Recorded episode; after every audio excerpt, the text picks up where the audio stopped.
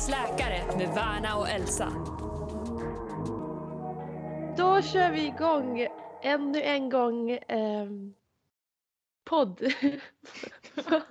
Värna varnade mig di- direkt för att eh, eh, hon har sovit två timmar i natt. Så att eh, vi ska se vad vi kan få till i dagens avsnitt. ja, alltså det är väldigt fascinerande faktiskt att i och med att svenska inte är mitt modersmål så jag märker att om jag är extremt trött så har jag väldigt svårt med språket. Det är tur att det inte är, idag spelar vi bara in själva introt och outrot så eh, den stora biten är det faktiskt eh, ganska pigg och jag tycker du pratar utomordentligt svenska. Okej, Då går vi över till veckans gäst som ju är så inspirerande på många sätt och en person som både du och jag har träffat i verkligheten och känner på ett ganska bra plan ändå. Hon var min handledare under examensarbetet och jag har verkligen respekt för eh, allt hon eh, hinner med och allt hon gör och hennes driv och engagemang i väldigt viktiga frågor. Mycket kopplat till hälsa, både medicinskt och fysisk aktivitet. då välkomnar vi in eh, Ida Lindman, läkare från Göteborg som gör SD inom allmän medicin. Hon har 2021 disputerat inom ortopedi och således är alltså en dubbeldoktor. Hon föreläser eh, för läkare om fysisk aktivitet och föreläser även på läkarprogrammet. Hon är intresserad och riktar sitt fokus på idrottsmedicin och forskar just nu om idrottssatsande ungdomar. Du kanske har läst hennes ABC om höft, höftsmärta på Läkartidningen.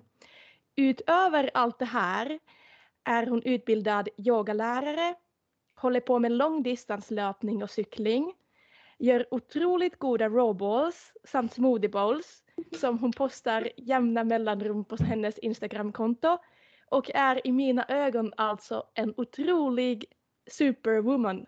Välkommen Ida!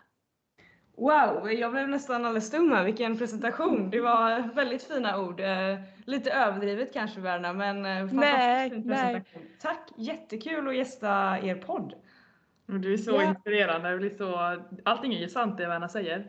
Ja, det, är, det är väldigt det är en ära att få gästa. Det är första gången jag är med i en podd faktiskt. Så att, Så jättekul. kul! Och jag vill lägga till en sak också. Förutom allt det du sa Verna så är ju Ida också en fantastisk handledare för läkarstudenter som gör examensarbetet. Ida var ju min eh, handledare när jag gjorde mitt examensarbete om höftinklämning och jag har haft det så bra. Jag, jag förstår dig. Mitt första minne om Ida är eh, när jag var ganska ny i Göteborg och jag, lärde, jag, kunde, eller, jag hade inte så många vänner än och gick på Idros eh, yoga-event på eh, villan. Och då, då höll du den yogan och hade gjort rawballs och såna här råsaft shots och jag minns att jag pratade med dig. Jag var jättenervös men det var jättetrevligt. Just det, ja, och jag har ju lika fina minnen av er så att det är jättekul eh, att få komma hit. Eh, både att få träffa dig på IDRU, Verna. Eh, för er som inte vet det då så IDRU är ju idrottsutskottet på läkarprogrammet. Eller inte bara för läkarprogrammet tror jag utan även på Sahlgrenska akademin. Ja, och att precis. handledare för Elsa under ditt projektarbete termin 10 var ju superkul. Du var en toppstudent kan jag säga. Om vi, om vi börjar lite smått bara. Eh, jag är personligen intresserad av att veta varför valde du plugga till läkare? Oh, svår fråga. Eh, den får man ju alltid och den får man ju även under hela läkarutbildningen. Och eh, jag tror egentligen inte att jag reflekterade så mycket över det. Eh, jag har alltid varit, eh, ja men gillat det där med kroppen och hälsan. Hade en pappa som var läkare och en mamma som eh, var är narkossköterska så de har ju jobbat inom vården.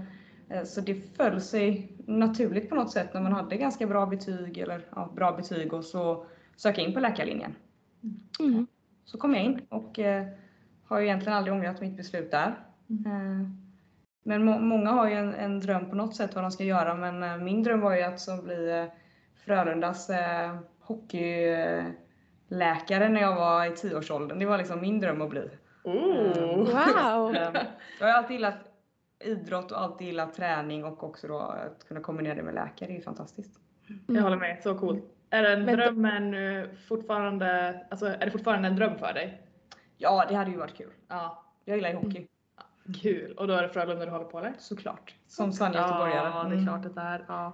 Okej, jag vill ha också en följdfråga på dig med läkaryrket.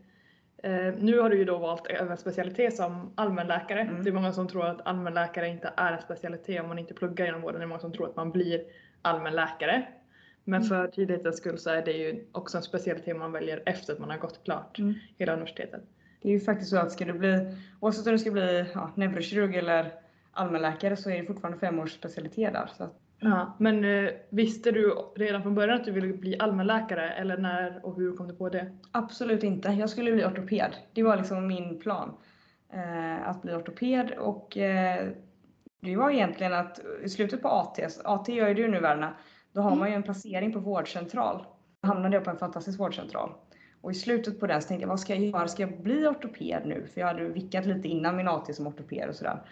Eh, och tyckte väl att jag hade lite kropps... Eh, att jag är ganska liten, så jag hade lite det emot mig att bli ortoped. Eh, och tyckte väl att nej men jag vill hålla på med idrott och träning och sådär. Kanske snarare än att operera. Det var mycket, ja nu ska man inte raljera, men det var väldigt mycket höftfrakturer hos äldre tanter och sådär. Det var inte riktigt det jag tänkte när jag tänkte liksom, idrottsortoped.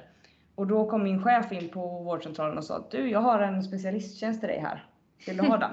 och då tittade jag på henne och sa nej, det, det var inte min tanke. Eh, vad händer om jag säger upp mig om tre månader? sa jag till henne. Och då sa hon, det tar vi då. Och nu har det snart gått fem år och jag är snart färdig specialist som allmänläkare. Wow. Och har ju insett då att idrottsläkare är ju så mycket mer än eh, ortopedi. För där har vi ju fantastiska fysioterapeuter till exempel och fantastiska ortopeder som är idrottsläkare. Men det som jag tycker saknas det är ju den som kan helheten med idrottsmedicin. Tjejer med menstruation, eh, astma, eh, doping som är mycket idrott. Eh, vad, vad händer när man får allergier mot klor som simmar? Alltså sådana grejer som, Mm. som ingen riktigt håller i. Så det, det tycker jag har blivit mer och mer spännande. Shit, det här är så spännande. Verkligen. Jätte- Jättekul. Och att liksom den ursprungliga planen kan ju bli sann men det är inte alltid att man ska gå den vägen man tror att man ska gå för att nå målet. Det är också Precis. ganska intressant. Och jag har ju fortfarande alltid en liten dröm om att bli ortoped. Sen kanske jag inte blir det ändå, men, men den finns ju alltid kvar. Så man vet aldrig om det blir en dubbelspecialitet. Men är det ändå, nu forskar du ju och är kliniker, eller hur? Mm. Gillar du det här att kombinera det båda två eller ser du dig själv i framtiden som att du ska göra mer forskning eller mer kliniskt eller blandning? Jag hade gärna gjort en blandning. Eh, Jag tror att för att bli en bra forskare så ska man nog ha lite kliniskt också. Eh, Nu menar jag inte bra forskare, det finns fantastiska forskare som inte är kliniker, men om man ska forska kliniskt så behöver man också ha liksom, kliniken i sig, tror jag. Mm. Eh, För att ja, kunna stå för det man gör på ett sätt. Just nu har jag ju två olika tjänster kan man säga, en forskardel och en klinikdel och det hade varit skönt att kunna integrera dem och få kanske 50-50 istället för 100-100. Så. Fullt förståeligt, jag förstår inte hur Det är väl det något mål. Ja. Det är en, en fråga som är i mitt huvud är hur, hur du får tiden att räcka till. Men eh, jag vet inte, du kanske inte har ett enkelt svar för det. Jag tror bara att alla, alla har ju lika mycket tid. Eh, Mm. Och det handlar väl om prioriteringar. Eh, Jag har ju aldrig kollat på en serie hela mitt liv för att det, det är jag inte tillräckligt harmonisk för att göra, jag att säga. Eh, och sen eh, brukar jag säga till många, ja ni har inte barn tjejer än, men jag har inte heller några barn, men många har ju till exempel tre barn och försöker få ihop liksom livet med det. Eh, jag har ju jättemycket tid till att forska. Mm. Eh, det finns massa kvällar och helger och sådär. Mm. Så att, eh, det handlar väl egentligen bara om prioriteringar på ett sätt. ja, det är väl väldigt sant. Alltså vad, vad man gör med tiden. Ja men precis. 100 procent. Mm. Men kan du inte berätta mer om din forskning, det du, gör, det du forskar om just nu, vad det Mm. handlar om? Eh, Det jag har disputerat och skrev min avhandling på och fick min PhD det var ju höftsmärta hos idrottare. Det var ju det eh, Elsa som du var med och forskade på också. Mm. Något som så fint heter femoral tabulärt impingement syndrom. Som ingen FICE, förstår. Som Ja. ingen förstår, som egentligen kortfattat är ett inklämningsfenomen kan man säga i höften. Mm. Eh, som drabbar många, i, eh, många som har ja, idrottare, framförallt hockey och fotbollsspelare. Mm. Och som får besvär med sina höfter i så här 20-årsåldern. Mm. Så det skrev jag min avhandling på eh, och, eh, men och har lite forskning kvar där. Eh, En del eh, rätt kul forskning framförallt då på idrottare och elitidrottare som får de här besvären. Hur de mår då efter att man opereras för detta. Exakt. Eh, och sen har vi ett nytt jättekul projekt som hamnar, handlar om elitsatsande ungdomar. Eh, som alla sporter egentligen. Där vi drev ett jättekul mm, projekt, eh, jag och min forskarkollega Josefin Abrahamsson som är fysioterapeut. Som, eh, där vi, eh, ja Josefin hon disputerade också på, på FAIS då. Och så kollade hon på skidåkare på ett skidgymnasium och då märkte hon att ett år efter examen då hade över 70% slutat sin elitsatsning. Och över hälften hade gjort det på grund av skador. Mm. Och det vet ju ni tjejer som tränar mycket att Ja. det är, man har lite skador, det gör ont att träna och det är nästan så att det, liksom, det hör till att det ska göra ont när man tränar. Ja.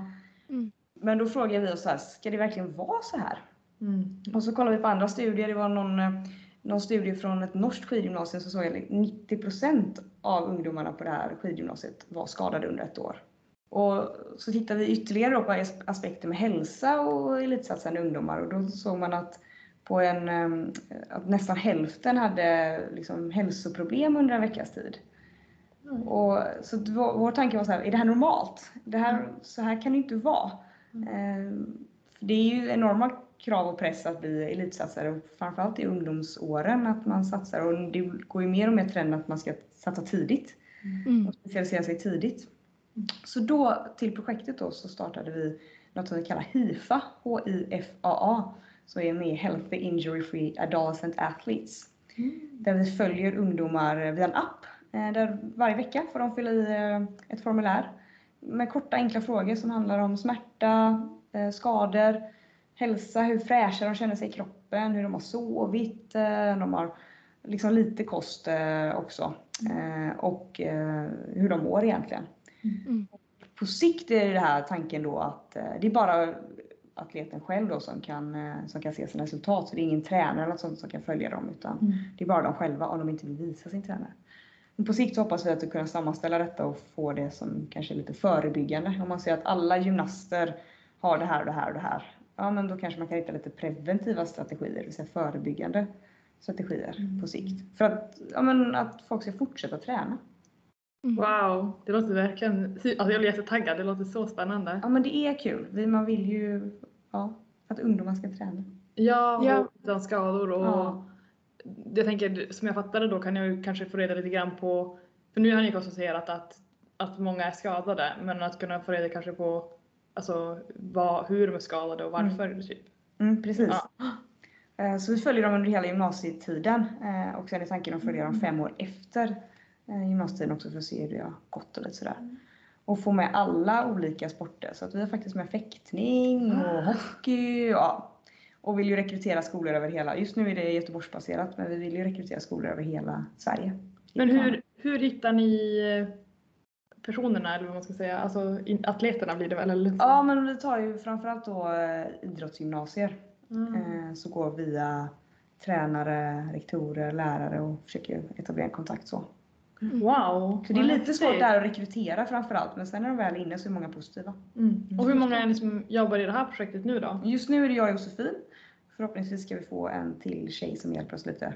Eh, Och så tänker vi att vi ska bygga ett större... Ja exakt, man måste ju börja någonstans. Det är Precis. så häftigt. Så det är ni som har startat den här typen av... Precis. Wow. Häftigt! Så det är Josefin som är, som är hjärnan från början och sen eh, hoppade jag snabbt på för jag tyckte det var en grym, eh, ett grymt projekt. Verkligen, wow. Och Josefin, sa du var hon, var hon också Hon är fysioterapeut. fysioterapeut? Wow! Mm.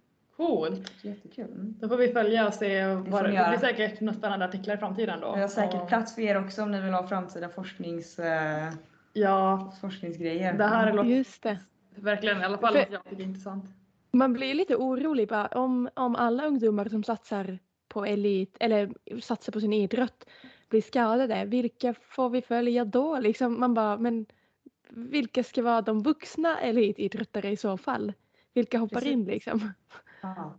Jag har ju många, många kompisar nu som eh, har elitsatsat i ungdomen som eh, har jättemycket problem med skador nu och inte kan känna att de kan leva ett normalt liv för att de eh, pressade så mycket när de var i sådär 15 års ålder. Mm.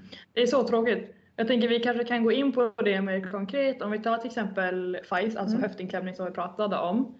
Jag berättade ju i ett tidigare poddavsnitt att till exempel ehm, min sambo Anton har fått den diagnosen och han är ju inte elitidrottare. Det han har gjort är väl i och för sig att han har tränat väldigt mycket crossfit under ja, men från, vad- hur gammal är man när man går gymnasiet? Man är typ 14, 15.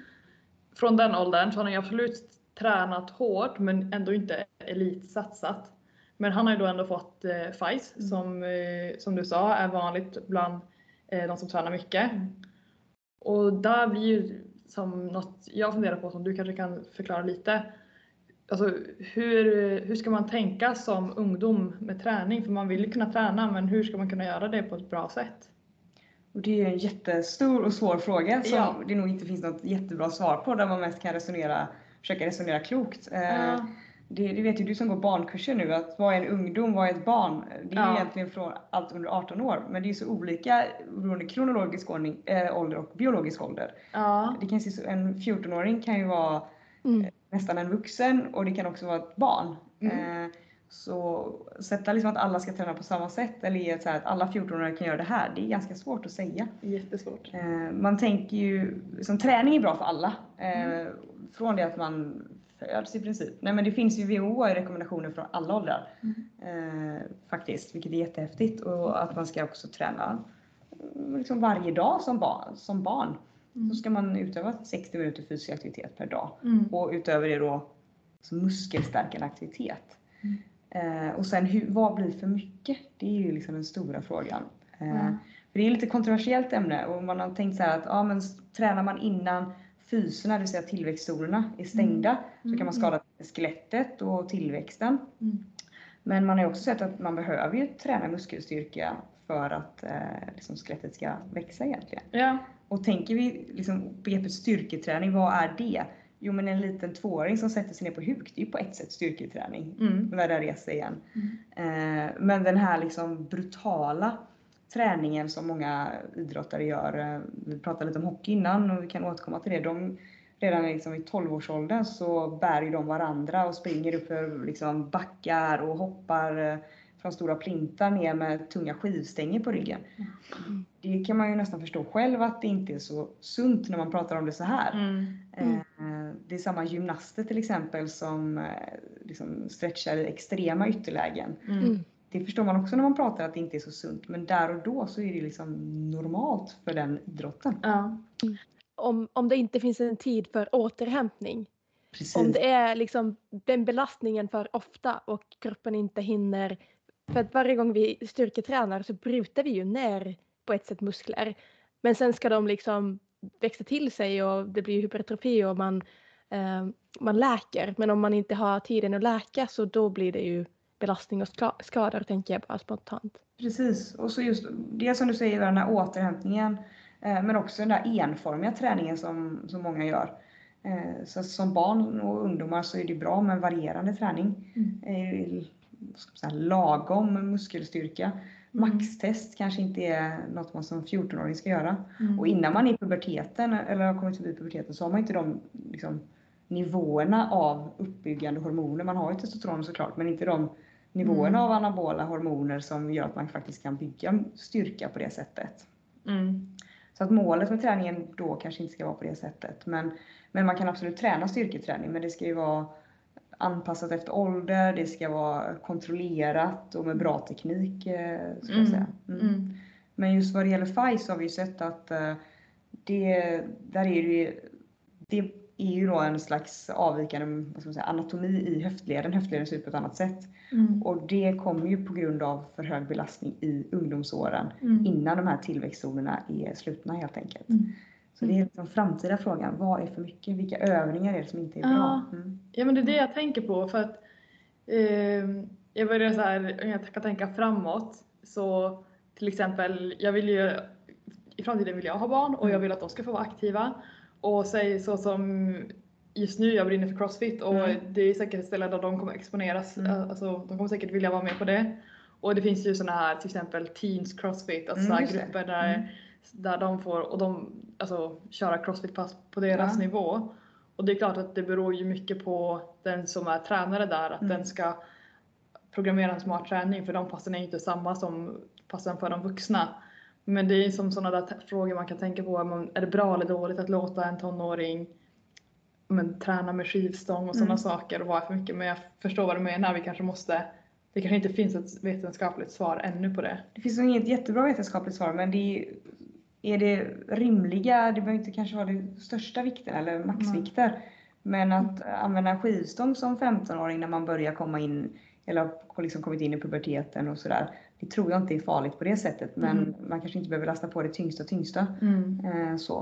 Eh, Jobba mycket med teknik tänker jag. kanske. precis, mm, Mm. verkligen. Mm. Det är det de inte vill, men Nej. det de måste. Exakt! Mm. Och anpassa vikterna till, i relation till kroppsvikten. För alla ungdomar är inte lika stora Nej. eller väger lika mycket. Så att, eh, att tränaren har i åtanke det också.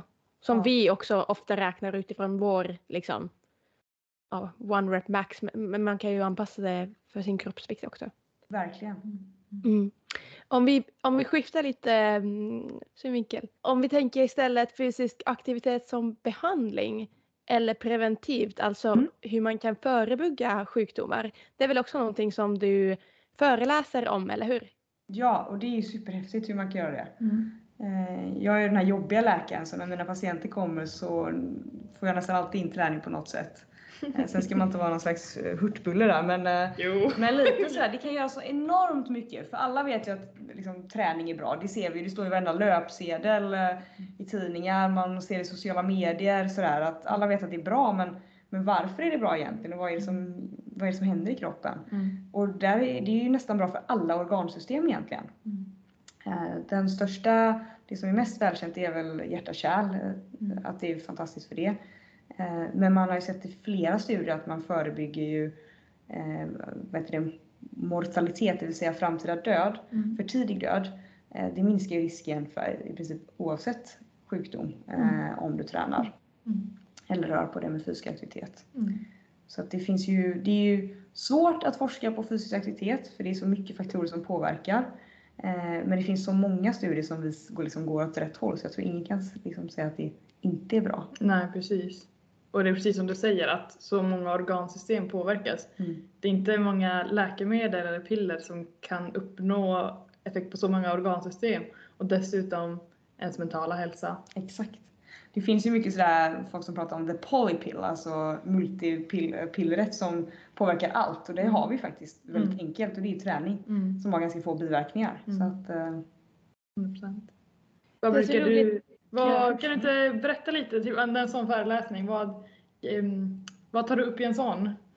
ja men dels prata generellt om eh, vad som händer i kroppen. Mm. Det beror på lite vilken målgrupp det är.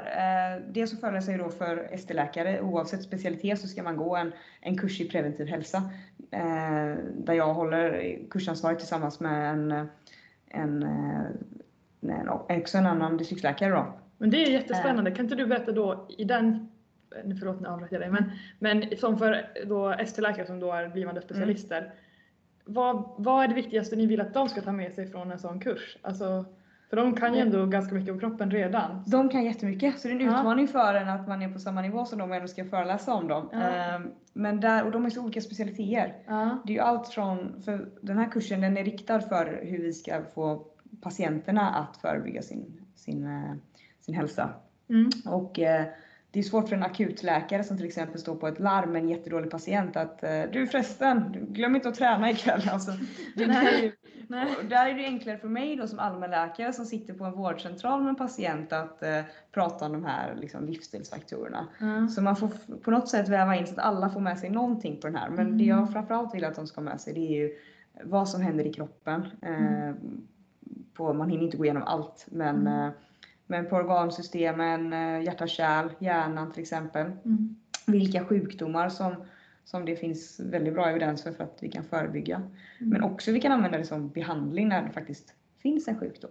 Mm. Eh, Det målas ju upp i media ibland att eh, vi läkare alltid ger ett piller och Mm. inte ser till helheten och sådär. Mm. Och jag blir lite, lite arg varje gång jag läser något sånt där. Jag förstår att det, vi har ju kollegor som gärna ger piller men det finns också många som, Mm. det är ju, ofta som, som första steg så går vi på andra delar först så att säga. Ja, verkligen. Om vi gör vårt jobb Ja, rätt. precis. Och det är svårt att dra alla över en kam på det sättet. Alltså, hur många läkare finns det inte i Sverige? Exakt, och jag tror att de flesta ändå eh, försöker att implementera livsstilsfaktorer före, Mm. eh, för läkemedel. Sen kommer man ofta till en viss gräns där läkemedel behövs också ha jätte... Jag ska inte säga att läkemedel inte har en plats, för absolut inte. Det är ju fantastiskt mycket fina läkemedel vi har i Sverige och vilken förmån vi har och sådär. Mm. Eh, Men man kan göra rätt mycket med livsstilsfaktorer. Mm. Kan du ju, för de som lyssnar och kanske inte har läst till läkare, eh, kan du ge några exempel på hur, vilka sjukdomar och, som man kan använda fysisk aktivitet och liksom hur, det, hur det kan få en på, påverkan på den sjukdomen? Mm. Vi pratade ju lite då att det påverkar ju på alla organsystem. Mm. Om vi tänker det som många pratar om mest, då är det hjärta-kärl. Och det säger sig självt nästan att en bra kondition, det är en ganska bra friskfaktor. Mm. Och det kan man ju tänka, för att ha bra kondition, då behöver vi starkt hjärta, bra lungor och ganska bra kärl. Eh, Så att man både minskar risken för till exempel hjärtinfarkt och stroke eh, om man tränar. Och eh, man har också, det har lika bra effekt som har sett i vissa studier som eh, läkemedel för eh, blodtryck till exempel. Att fysisk, regelbunden fysisk träning faktiskt kan sänka blodtrycket eh, lika mycket som eh, ett enskilt läkemedel för just blodtryckssänkande då. Det är ganska häftigt. Mm. Och sen får man ju bättre då blodfettsprofil Mm. eh, som är också bra, eh, som också förebygger då till exempel stroke och hjärt-kärlsjukdom. Så där har vi liksom förebyggande delen av detta. Eh, Mm. sen har vi den häftiga aspekten om vi tittar på de psykiatriska diagnoserna som är kommit mer på senare. Mm. Här, för, det frisätts ju massa häftiga ämnen i hjärnan när vi tränar. Mm. Eh, dopamin och serotonin och något som heter BDNF, Brain Derived Neurotrophic Factor. Ingenting man behöver lägga på minnet. Men eh, det frisätts och man har ju nu mer sett också att när vi tränar så kan det ju bildas nya hjärnceller. Fram till bara för några år sedan sa man att, man inte kunde, att det inte kunde bildas nya hjärnceller. Mm. Och man ökar också eh, plasticiteten i hjärnan, det vill säga hur, eh, hur eh, hjärncellerna kommunicerar med varandra kan man säga. Eh, Så det händer ju massa häftiga grejer i hjärnan när vi tränar. Jag tänker eh, om, om man tänker på en diabetiker, är det Ja. lättare att hålla sockerkontrollen om man tränar och är fysiskt aktiv? Alltså hålla jämn... eh, Ja, det gör det. Ja. Dels så förebygger man ju diabetes genom att träna, men har man en etablerad diabetes så har man bättre eh, insulinkontroll eh, och insulinkänslighet. Och man har då lättare att hålla sockernivåerna på rätt nivå. Mm. Mm. Ja, träning är bra. coolt. Det är väldigt Verkligen. bra. Om man sover bättre och med, Ja. med sömn så förebygger man en hel massa sjukdomar. Ja, men det vet man ju själv om man har en, en vilodag någon dag eller inte hunnit träna eller sådär, så ska man gå och lägga sig, då ligger man ju, tankarna bara mal ju. Så man sover ju alltid bäst när man har tränat. Mm. Ja.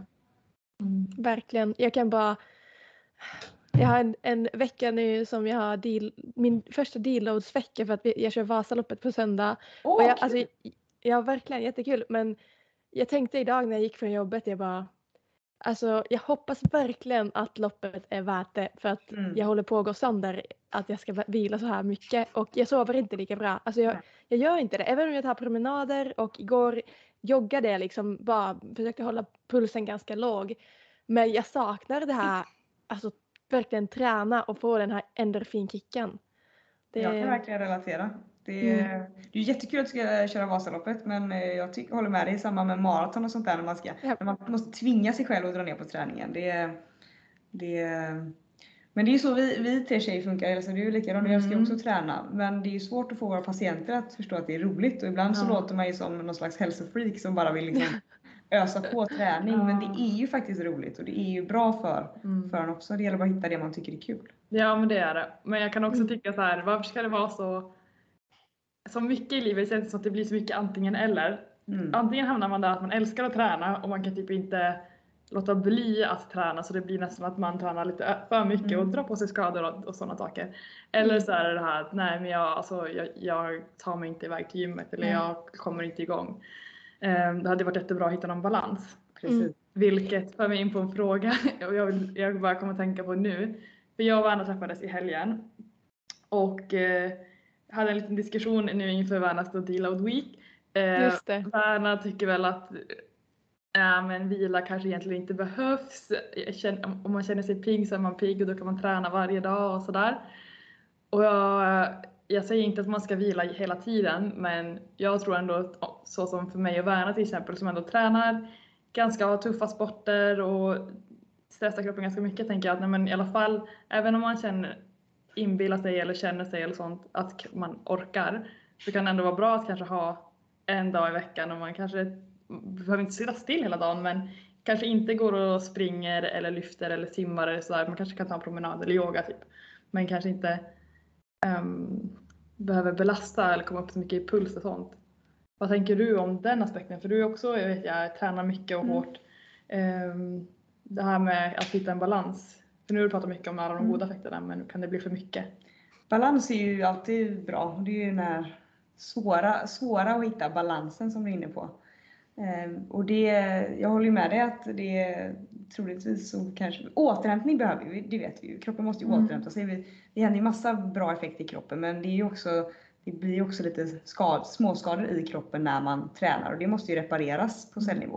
Och då måste vi på något sätt ha vil och, någon slags vila. Sen behöver inte det ligga vara att man ligger och pillar sig i naveln i soffan och käkar chips. Eh, utan det kan ju vara att man tar en, en promenad och där är det ju väldigt individuellt också vilken nivå man är på. För någon som är elitsatsare så kanske en joggingtur på 5 km kanske blir den personens vila. Eh, Medan någon som kanske promenader är träning. Då kanske man snarare tar det lite mer lugnt hem, i hemmet. Så det är säkert väldigt beroende på vilken individ man är och hur Mm. van man är vid att träna. Men någon slags återhämtning, det behöver ju nog kroppen för att eh, kunna få tillgodose alla de här, eh, alla de här effekterna av träningen. Om vi, om vi vänder på det och Mm. tänker tillbaka nu när vi pratade om det här att få de här goda effekterna. Om man är istället den som har svårt att motivera sig. Ja. Hur mycket behöver man träna för att få de goda effekterna? Just det, de här Aftonbladet-annonserna det står det räcker att träna två minuter om dagen. Eller sådär. Ja, precis. Men det, det som är häftigt är att den som har störst effekt av hälsovinst, alltså störst hälsovinst, det är den som går från helt otränad till att börja träna. Mm. Det vill säga första, första gången man bara går upp för en trappa istället för hissen, då får man fantastiska effekter. Så att allting man gör räknas faktiskt. Mm. Tittar vi på WHO så finns det ju liksom ganska bra rekommendationer där som är ganska tydliga. Och det är att vi ska träna mellan 150 till 300 minuter i veckan av medelintensiv nivå. Ja men vad är medelintensiv? Ja men det är ungefär en rask promenad. Eh, och om man slår ut det på en vecka så på 150 minuter då, då är det ungefär vad kan det bli? 21-22 minuter per dag. Det är inte jättemycket. Nej, inte om det tar en rask promenad i 21 minuter. Precis. Eh, och sen, sen så, den som har störst effekt är den som liksom går från helt, soffpotatis helt enkelt till att börja röra på sig. Eh, och det ser vi på gymmen sådär i januari, då ska ju alla börja Mm. tokträna. Det är då jag går ut och, och kör utomhusträning istället för att jag inte vill vara på gymmet. eh, men då går ju alla in och ska köra sju dagar i veckan. Mm. Och sen så blir det mindre och mindre och mindre. Så att istället lägga upp det på någon slags rimlig nivå skulle jag ju förespråka. Mm. Men sen hur mycket behöver man träna för att få effekt? Jo men om man går efter WHOs riktlinjer där så ser man att i början så är det, det finns en dos-respons-effekt, det vill säga att desto mer man tränar desto högre effekt. Och sen planar det lite ut den här kurvan eh, och blir som en platå runt 3 till 5 gånger rekommendationerna tror jag det är. Men man har, inte, man har inte riktigt hittat den här nivån än där, där det är en risk med att träna för mycket. Eh, Det finns ju alltid när det liksom, när blir för mycket för mycket? Utan, men sen får man inte lika stor då effekt när man tränar mer kanske. Mm. Mm. Mm. Och jag tänker också att, precis som du säger, det är ju absolut mest effekt när man går från att kanske vara den som ligger på soffan till att börja röra sig. Om man skulle jämföra kanske oss som kanske tränar nästan till varje dag och ganska långa pass. Det kanske inte är jättemycket just för hälsa som vi Nej. vinner på att lägga till de här eh, kanske tre extra träningspassen. Den som tränar, inte vet jag, fyra pass i veckan, det räcker ju gott och väl. Vi tränar ju mer för att vi kanske vill. Ja. Inte för att vi tror att vi blir mer hälsosamma. Mm. Det är en, en dag när man har jobbat och sen föreläst, sen haft möten, då kanske man eh, borde bara ta det lite lugnt. Men med min terapi, då nu gör jag citationstecken som ingen ser, men eh, det är ju att gå ut och springa, kanske bara Mm. 40 minuter Mm. i ösregnet för att det är så skönt att rensa skallen. Men det kanske Mm. inte gör mig så mycket snabbare på milen just det där passet. Så det är ju lite beroende på vad man har för mål också med träningen. Mm. Precis. Mm. Exakt, exakt. Det är det jag tror tänker också är viktigt. Jag tänker mycket med sociala medier och sånt också att det är så lätt att man tänker att alla de här superatleterna att är liksom de mest hälsosamma men det är de ju inte. Det är inte elitidrott är ju inte det som är för hälsa och det är viktigt att tänka på. Verkligen, väldigt bra poäng. Precis. Mm. Och faktiskt, eh, jag kollade på Nyhetsmorgon, jag berättade det här till dig Elsa. Eh, Han Jakob Gudiol, visst hette han så? Ja! Mm. Ja, han berättade om det att, eller han bara liksom poängterade det att eh, viktigt att komma ihåg är att de som elitsatsar, det är deras jobb. När de inte tränar, då vilar de. Vi som exempelvis pluggar eller jobbar, mellan våra pass så har vi ju annan typ av stress från jobbet och det blir inte samma liksom återhämtning fast att vi inte liksom tränar aktivt. Så kroppen är inte lika duktig på att återhämta sig för att det är annan stress och liksom ja, man tar hand om patienter eller pluggar och sådär. Så man kan inte jämföra sig med elitidrottare för att de har helt andra förutsättningar. Precis. Det är en jättebra Mm. poäng och Jakob Gudiol är ju jätteduktig. Han har ju ett väldigt bra Instagramkonto där han oftast eh, Ja, pratar och, eh, ja, eh, om och liksom spräcker hål på en del eh, myter som florerar runt på sociala medier. Och gör det på ett väldigt sakligt och bra och vetenskapligt sätt. Så att jag kan verkligen tipsa om hans eh, både podd och eh, Instagram för att han är väldigt duktig. ja Men det är en bra poäng eh, han har som du tar upp där Verna. Ja, Mm. jag håller med. Tycker så. Han kanske också vi får intervjua podden någon gång. Det tycker jag. Det vore också kul. Jag hoppas det, om han skulle tacka ja. Det vore en ära. Men på tal om det med elitidrott och att det inte alltid är heller samma sak som hälsa. Vet du om det finns några sjukdomar och diagnoser som är vanligare bland idrottare? Nu sa vi ju FICE, höftinklämning. Det är ju vanligare bland idrott. Så mycket, en del muskuloskeletala, man drar ju på sig skador såklart, så det är väl ökad risken där. Eh, Det finns ju också det här eh, att eh, extremt vältränade och som har tränat jättemycket i livet eh, har ökad risk för förmaksflimmer till exempel. Det vill säga att eh, förmaket i hjärtat slår eh, okroniserat. Eh, Osynkroniserat. Jag, jag, jag, jag sa timing, jag trodde det var Osynkroniserat. Ja, precis. Hjärtat synkroniserat. Precis, man har inte Ja. en regelbunden rytm. Precis, och det är ju sant. Det har man ju sett och det är ju framförallt de som är konditionsidrotter, till exempel längdskidåkare eller eh, maratonlöpare och sådär. Då har man en, en ökad risk att få förmaksflimmer. Mm. Men man har ju ännu mer ökad risk att få förmaksflimmer om man inte tränar alls till exempel. Ja. Och sen om man tränar, Mm. om man tränar mycket och sådär, då har man ju också alla de andra hälsoeffekterna. Mm. Det vill säga bättre lipidprofil, lägre risk för hjärt, eh, hjärtinfarkt, lägre risk, ja, liksom lägre risk för diabetes och sånt där.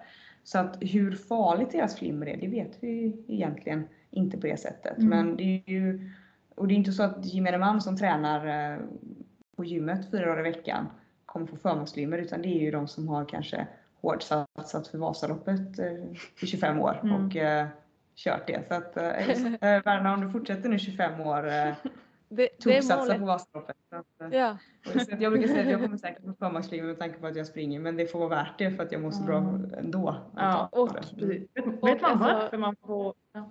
jag som jobbar på geriatriken, vi har typ ingen patient som inte har förmaksflimmer. Nej. Alla får det ändå.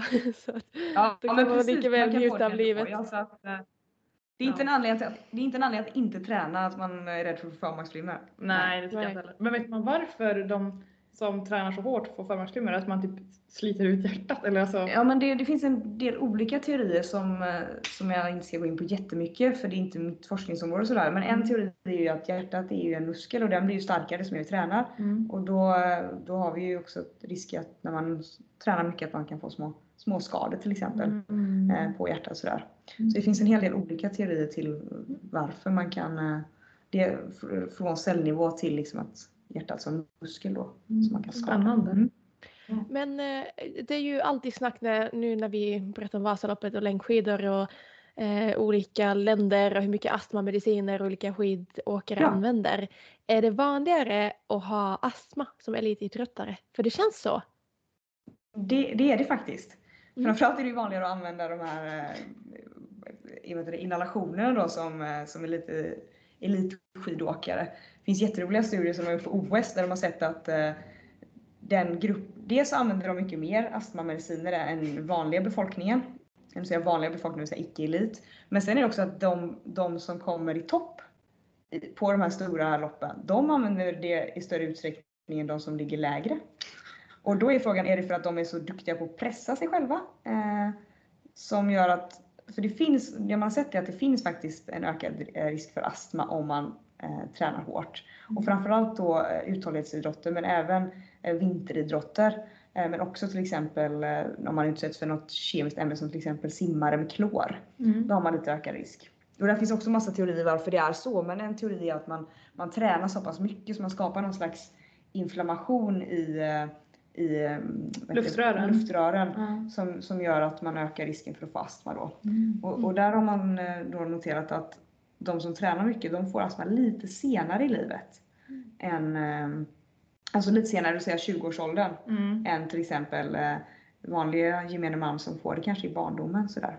Mm. Så, att, eh, men, så det verkar dels som att det, det är vanligare hos längdskidåkare. Men sen är det ju säkert också en överanvändning av de här Mm. vid- luftrörsvidgande Ja, för de här, visst är det då så att de här inhalationerna, det kallas väl för inhalationssteroider?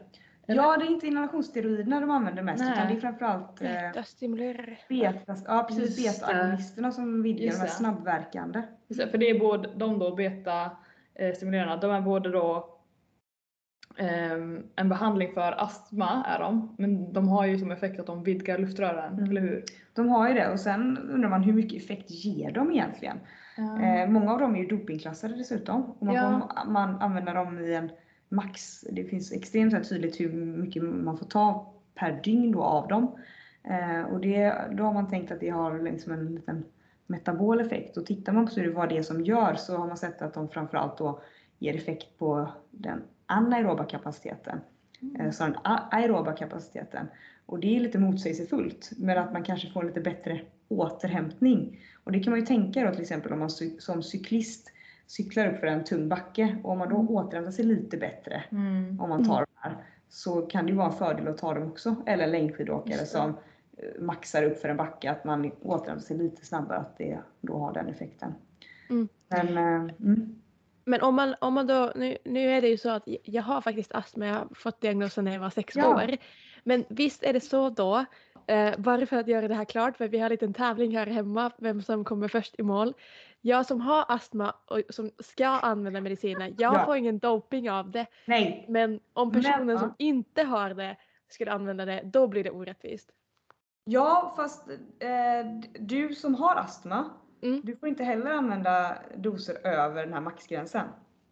Just det, men det vet inte min sambo om. Nej, det vet inte det spelar inte så jättestor roll. och, och det är ju liksom extrem, och det är ganska höga doser så du kommer få tokhjärt, en biverkan av de här medicinerna är att man får hjärtklappning så att det Ja. är ju väldigt, väldigt höga doser. Eh, nu kommer Okej. jag ihåg, det var ju någon, någon som åkte fast för detta för ett par år sedan och han hade ju liksom inhalerat, jag vet inte hur många doser. Ehm, Hemskt. så. Alltså man blir ju darrig i händerna bara när man tar den vanliga dosen. Jag i alla fall.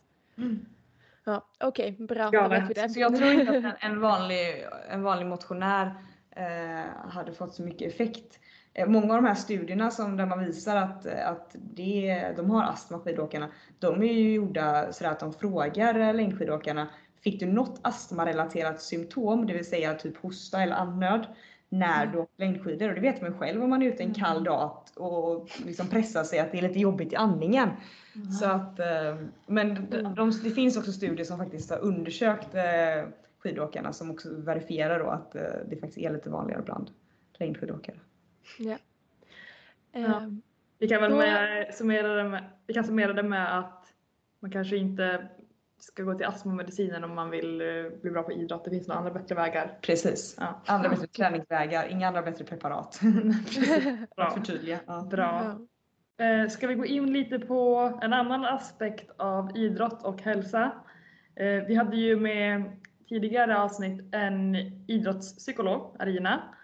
Och ehm, du som forskar mer på den fysiska biten, har du, märker du också av eh, hur den mentala biten kan påverkas av träning? Vi har pratat om de positiva Mm. aspekterna men det kan ju också bli eh, negativa aspekter i form av ångest, stress, prestationer, eh, också med maten. Mm. Eh, hur ser du på den biten? Det, det är en jättebra aspekt också och där återkommer vi lite till vårt projekt vi gör nu då, den här HIFA-studien. Mm. För där tittar vi på de bitarna också. Eh, Just hur, eh, hur press och stress och sånt kan påverkas av träning, att det blir för mycket. Eh, och det är ju vanligt både hos tjejer och killar, men Mm. framförallt tjejer. Mm. Där det finns även en ätstörningsaspekt i det hela som man inte ska förringa. Eh, det finns något som heter REDS till exempel, jag vet inte om ni har hört talas om det? Nej. Nej. Relative Energy Deficiency Jo. in Sports. Jo, nu när du säger det så känner jag Precis. Mm. Och innan så utgjorde det att man inte fick sin menstruation och benskörhet och sådär. Men det finns massa aspekter där och där är även eh, depression, ångest, sömnsvårigheter Mm. är med där också. Mm. Så att eh, träning, i det, återigen den här balansen, träning kan ha fantastiska effekter för Mm. hälsan men, Mm.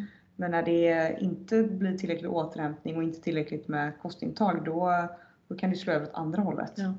Jag tyckte det var intressant, eller jag tycker det är jätteintressant att ni har med det då Mm. som en aspekt i er forskning. För när du sa de här höga, siff- höga siffrorna i början av avsnittet om att det är så många som är skadade Mm. efter eller under sin idrottskarriär som elitsatsande ungdom. Att funderar jag direkt på det men jag undrar eh, om ni har med ja, men, den mentala hälsan. För jag kan tänka mig att det är en stor andel. För det finns ju också som du säger må- många olika aspekter av det med både med, med ätstörningar Mm.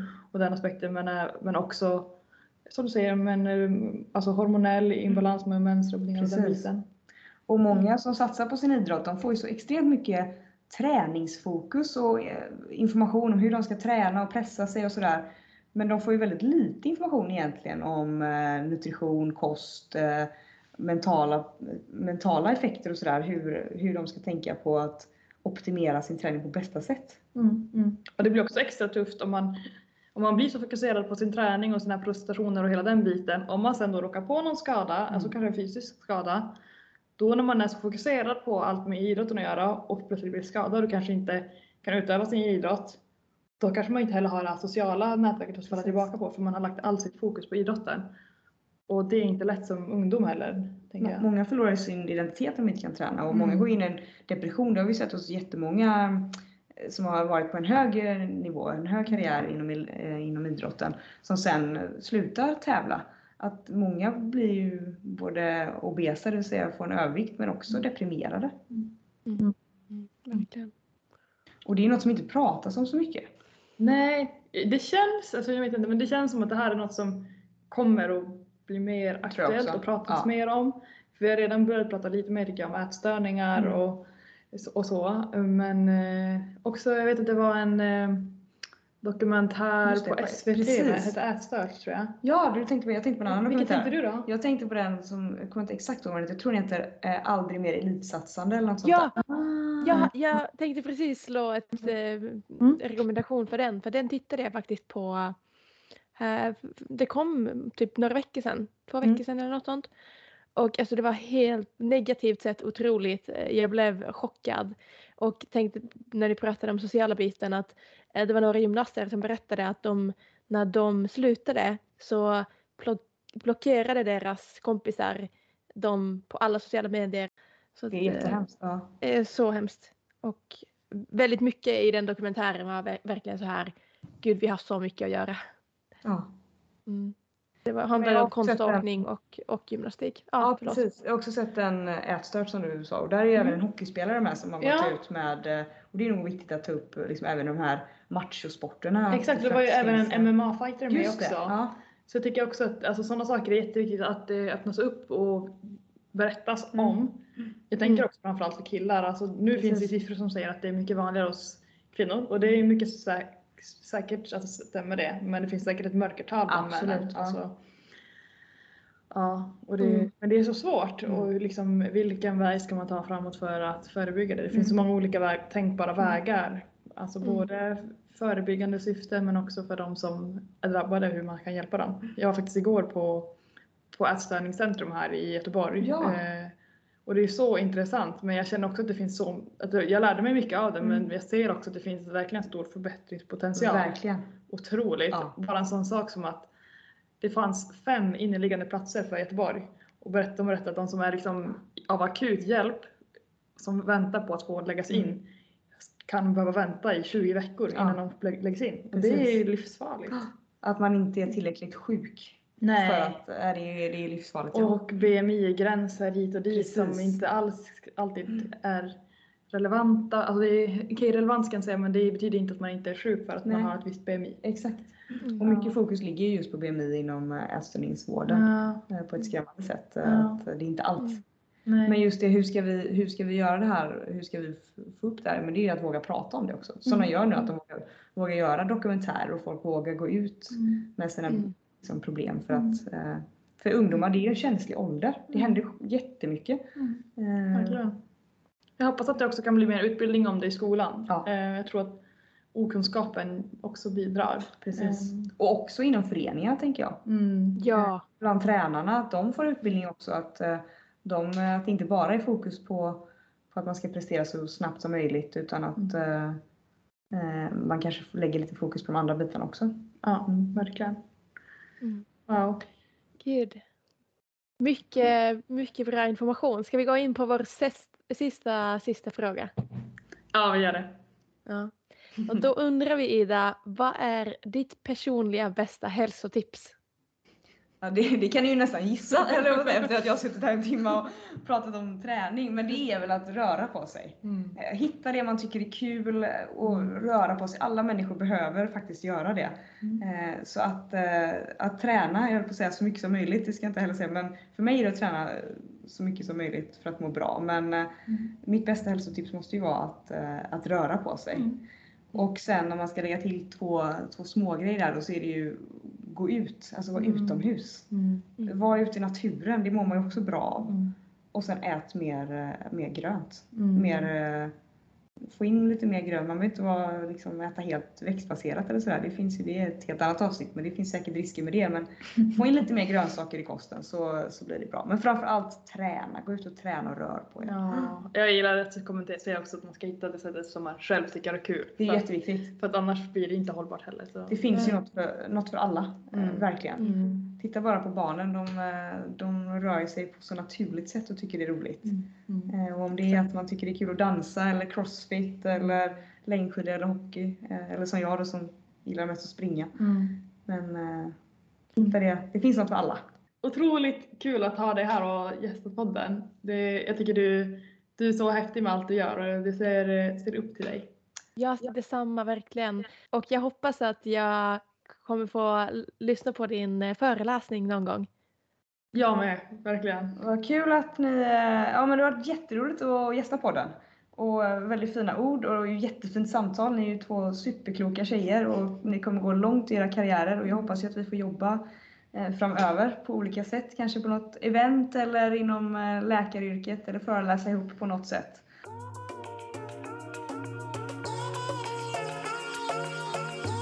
Är inte det lite roligt? Hade någon sagt till mig när jag gick termin två på läkarlinjen och jag gick på en yoga på vårt kårhus eh, som våra idrottsutskott hade organiserat och då hade ju Ida där som lär eh, vara en yogis och höll en yogaklass till oss. Om någon då hade sagt till mig att du kommer intervjua den här personen på din podcast. Eh, jag hade aldrig trott det. Livet är eh, fulla med överraskningar och roliga saker känner jag spontant. Oh ja, och det jag brukar säga om och om igen, ett av många mantran jag har är att eh, det blir aldrig som man planerat. Och det är på gott och ont. Eh, men det här tycker jag är på gott. Jag hade heller aldrig trott att när jag träffade dig första gången att eh, vi skulle podda tillsammans. Nej, verkligen inte. Jag visste inte ens. Att vi skulle kunna bli vänner. Du var ju en, en coach. Du var en tränare för mig Ja, sant. från sant. början. sant. Det är konstigt hur roller kan liksom förändras under, eh, under tidens gång. Från att vara co- din coach till att bli din vän till att bli din kollega och vän. Ja, precis. Ja, nej men ehm, och samma med Ida, alltså när jag eh, hoppade på det här forskningen och examensarbetet så var det ju egentligen en annan lä- manlig läkare, Mikael Sansone, som också har gästat podden.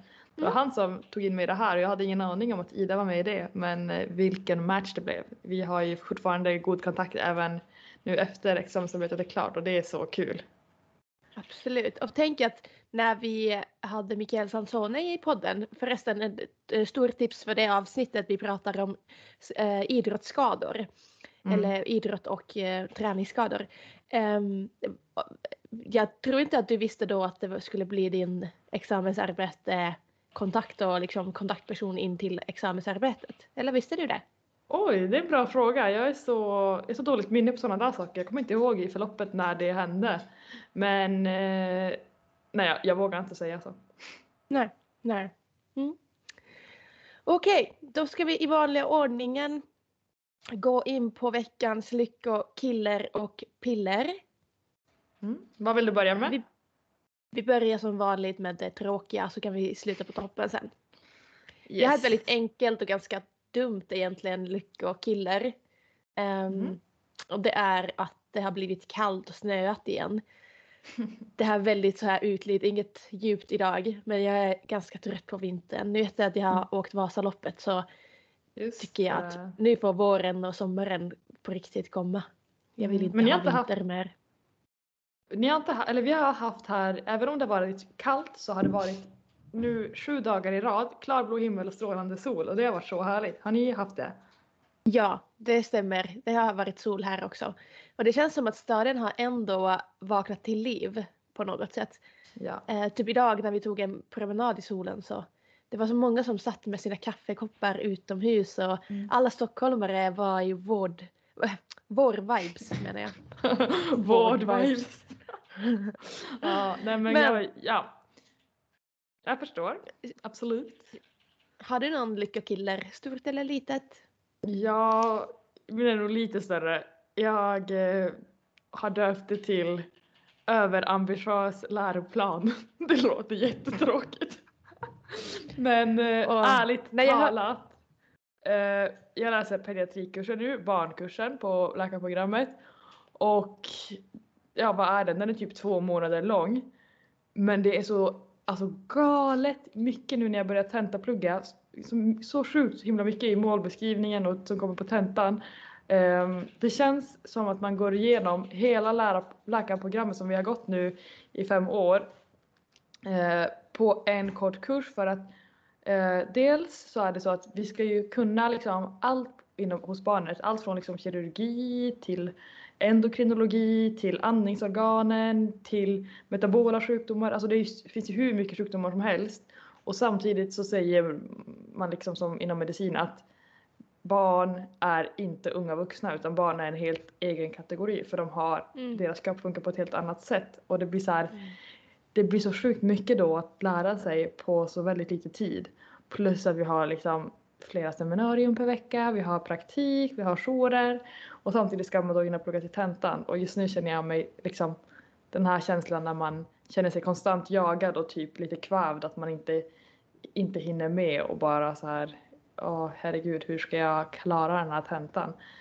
Mm. Den känslan och det tycker jag inte är eh, jag tycker inte det är sunt eller rimligt liksom i att ha sådana studieplaner. Så det är min. Lite arg. Absolut.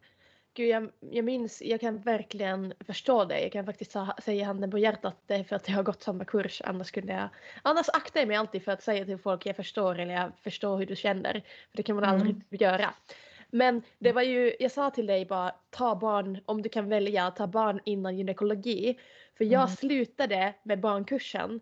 Och alltså jag minns de dagarna innan tentan och jag tror att Henrik min sambo minns också. Jag, alltså jag grät jättemånga gånger om dagen. Alltså jag var så, jag var Mm. helt förstört av Mm. all stress. Och sen är det ju, för min del det var sista tentan innan att man ska liksom, ja men sista te- tentan på hela läkarlinjen. Ja. Och man vill ju klara den. Som tur så har du nu den först. Så du har en Ja. möjlighet att göra om tenta utan att det blir ett sommarlovstenta, vilket man absolut inte vill ha. Nej. Ja exakt och sen så här, blir det så så blir det så och vad- alltså life goes on och allt löser sig. Men jag hatar att den här stressen som man går omkring med för den, och den kommer inte försvinna förrän man vet att tentan är godkänd. Nej. Ehm, sen får man ju jobba med hur man kan hantera det så att man inte blir kvävd och stressar ihjäl sig. Och jag, Ja. jag skulle säga jag är ganska duktig på att liksom, men jag pluggar inte typ efter åtta på kvällen och sådana saker. Det, någon måtta får det vara. Men ehm, Ja. ja, vi släpper det och pratar om något roligare kanske. Ja, absolut. Det kan vi göra. Värnas lyckopiller. Jo men för min del, eh, jag vill ge en ordentlig hyllning för min kropp som eh, då klarade Vasaloppet eh, förra helgen. Ehm, jag fyllde ju år samma helg så det var också en lyckopiller. Fylla år och få göra en ny utmaning och liksom ja men verkligen fira på det bästa sättet eh, Mm. med en utmaning och jag märkte hur, eh, hur jag liksom var själv under loppet min, min egen bästa kompis, vilket inte händer varje dag för min del. Det är väldigt mycket självkritik och väldigt så här ehm, mycket utmanande tankar som man får jobba med. Mm. Och det var det som var mitt liksom största oro inför loppet, bara det här psykiskt, hur, hur mentala biten, hur jobbigt det kommer vara. Men det var så otroligt att märka att jag hejade på mig själv. Och jag faktiskt under loppets Mm. gång liksom, jag pratade högt till mig själv för att man är ju, man är ju alla de timmarna tyst och liksom, ja man kan Mm. prata med någon om man vill men jag körde liksom verkligen, körde på. Eh, så jag, jag sa till mig själv till sista milen bara kom igen, du är så grym, du är bäst! Och Mm. liksom hejade på mig själv. Så både Vasaloppet att ha utfört det och att eh, ha gjort det ehm, och hittat liksom hållbart sätt kanske. Eller nu, nu kommer vi till det här att min hjärna inte funkar. Men ofta inom, in, under träning så kan jag liksom motivera mig själv genom att eh, inte genom att heja på mig själv utan med att vara så här du måste visa dig själv att du kan. Alltså förstår Kan du? du inte bättre? Ja, ja men lite så. Ja. Eh, och det, det, jag ska ta med mig från Vasaloppet att försöka med vara min egen kompis under träningen och liksom. Mm. Exakt. Ja, men jag tycker det är jättebra. Superbra reflektion. Jag känner igen mig i den utvecklingen och det är väldigt fint. Jag ställa en följdfråga på just Vasaloppet. Jag som inte har åkt det och vet Mm. inte om jag kommer göra det någon gång kanske, kanske inte. Eh, nånt- var det någonting som inte var som du förväntat dig? Förutom din, din inställning till dig själv. Ehm, eh, jag blev positivt överraskad hur välfungerande organisina- organisation det är. Wow, det var verkligen så, så bra fixat alltihop. Alltså tänk att typ när du står på mållinjen, eh, nej förlåt, startlinjen, eh, du vill ju ha liksom någon varm jacka på dig. Mm. Men sen, var ska du lägga den jackan? Jag var så här, ja men gud, måste jag ta någonting som jag måste slänga sen? Och det kändes inte bra liksom hållbart för miljön och sådär. Så man hade sådana här plastpåsar med nummer som man kunde lämna bara vid starten. Alltså sista du gjorde liksom innan startskottet gick var bara ta av dig din tjocka jacka, lägga det i påsen och knuta påsen. Och sen eh, samlade de alla påsarna och lämnade det ett ställe i sifferordning. Så efter loppet sen kunde man bara gå och hämta sin påse. Och det var massa andra detaljer som fungerade så bra. Jag var imponerad. Och stort Wow. tack till alla som var volontärer. Det var tror jag 1500 volontärer. Eh, vilket är väldigt eh, otroligt coolt.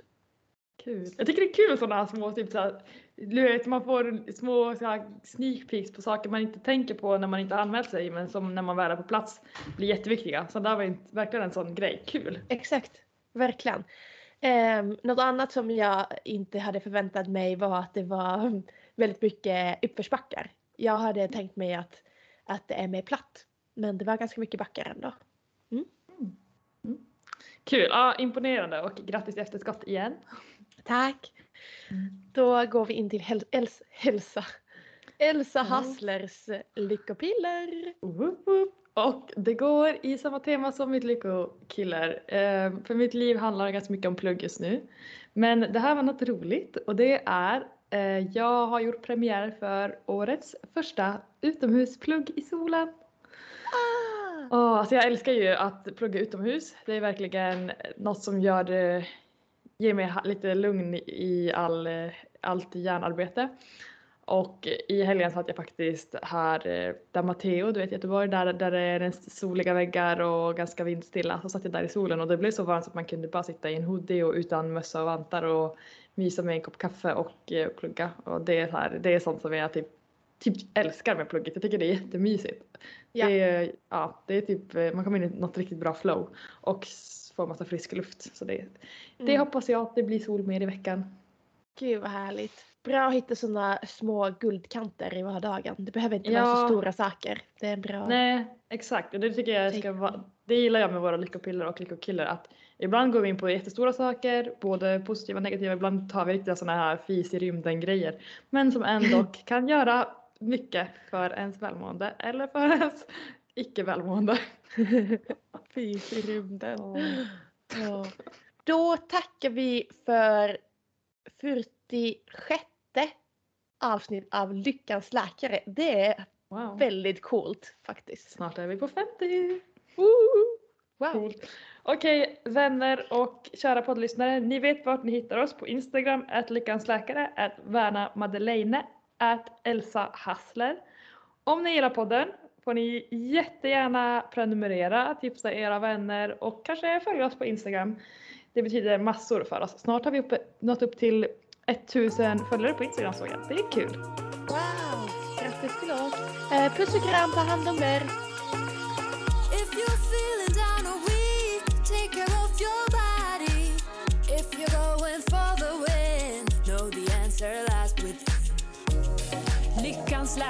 Med Värna och Elsa.